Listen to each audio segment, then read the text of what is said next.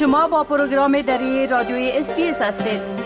گزارشات عالی را در sbs.com.au دری پیدا کنید.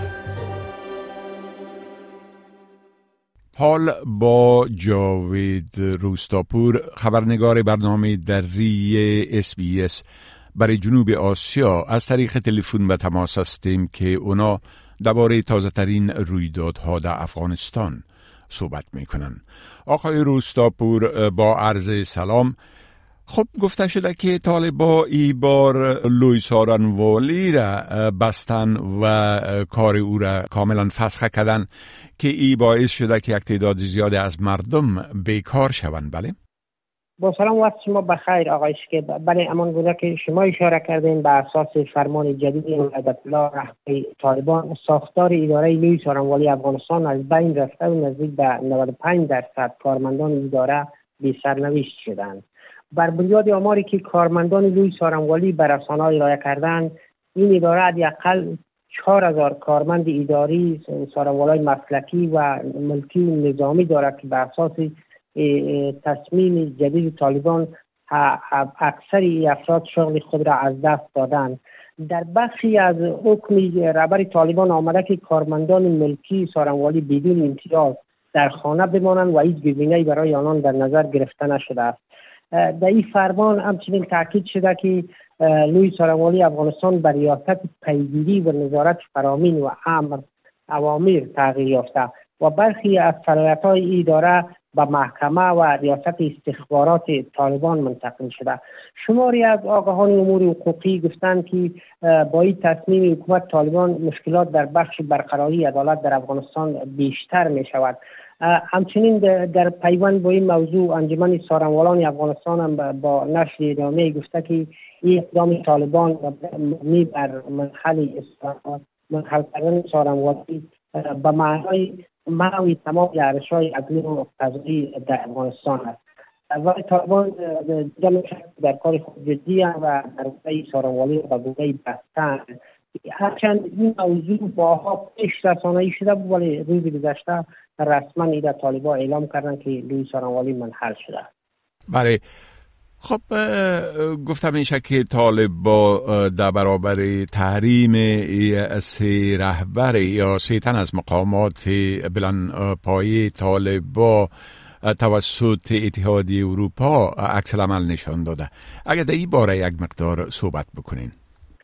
حکومت طالبات در واکنش به وضع تحریم ها بر سه مقام ارشد طالبان گفتند که اعمال فشار علیه افغان با گفته طالبان نتیجه ندارد. زبیرالله مجاهد سخنگوی طالبا در بیانیه گفته که افسون بر ای که تحریم ها نمی توانند رای حلی باشند کشیدگی را میان حکومت طالبان و جامعه جهانی بیشتر خواهد ساخت. او افزوده که به عوض اعمال فشار و تحریم ها باید از تعامل و گفتگو باید به کار گرفته شد و روی موضوع تاکید شد این در حالی است که اتحادیه اروپا سه مقام طالبا را به دلیل محرومیت زنان و دختران از آموزش کار و تحصیل و برخورد تبعیض‌آمیز این گروه با طالبان تحریم کرد که این افراد شامل عبدالحکیم شرعی و حبیب الله آقا سرپرستان وزارت های عدلیه و معارف نشد و همچنان عبدالحکیم حقانی که قاضی القضات طالبان تازه و تعلیم اتحادیه اروپا یا اضافه شدند بله. خب همچنان گزارش شده که طالبا از نشر آمار حوادث ترافیکی در ولایت هرات جلوگیری کردن و گفتن که درباره آمار ای حوادث نباید گزارش نشر شود. بله.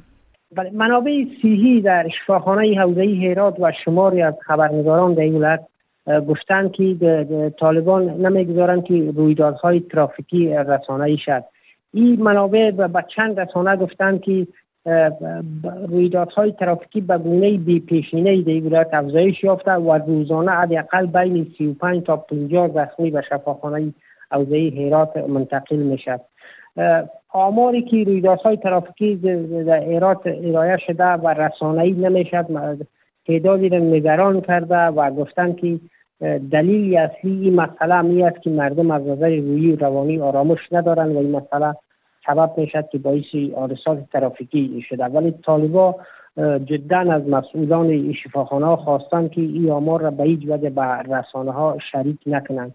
این در حالی است که چندی پیش هم در شمار دیگری از ولایت ها از جمله غور بادغیس و همچنین در ولایت پروان و کاپسا در نزدیکی کابل پایتخت افغانستان رسما مسئولان استخبارات طالبا و شفاخانه ها دستور داده بودند که هیچ نوع آمار رویدادهای ترافیکی را به رسانه ها و به مردم تا شریک نسازند.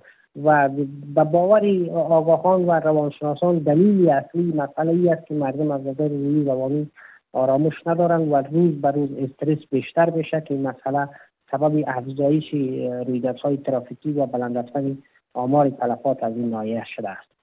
بله. خب بسیار تشکر آقای روستاپور از زی گزارشتان و فعلا شما را به خدا می سپارم و روز خوش برتان آرزو می کنم. روز شما هم خوش و حافظ ناصرتان. بپسندید شریک سازید و نظر دهید. اسپیس دری را در فیسبوک تعقیب کنید.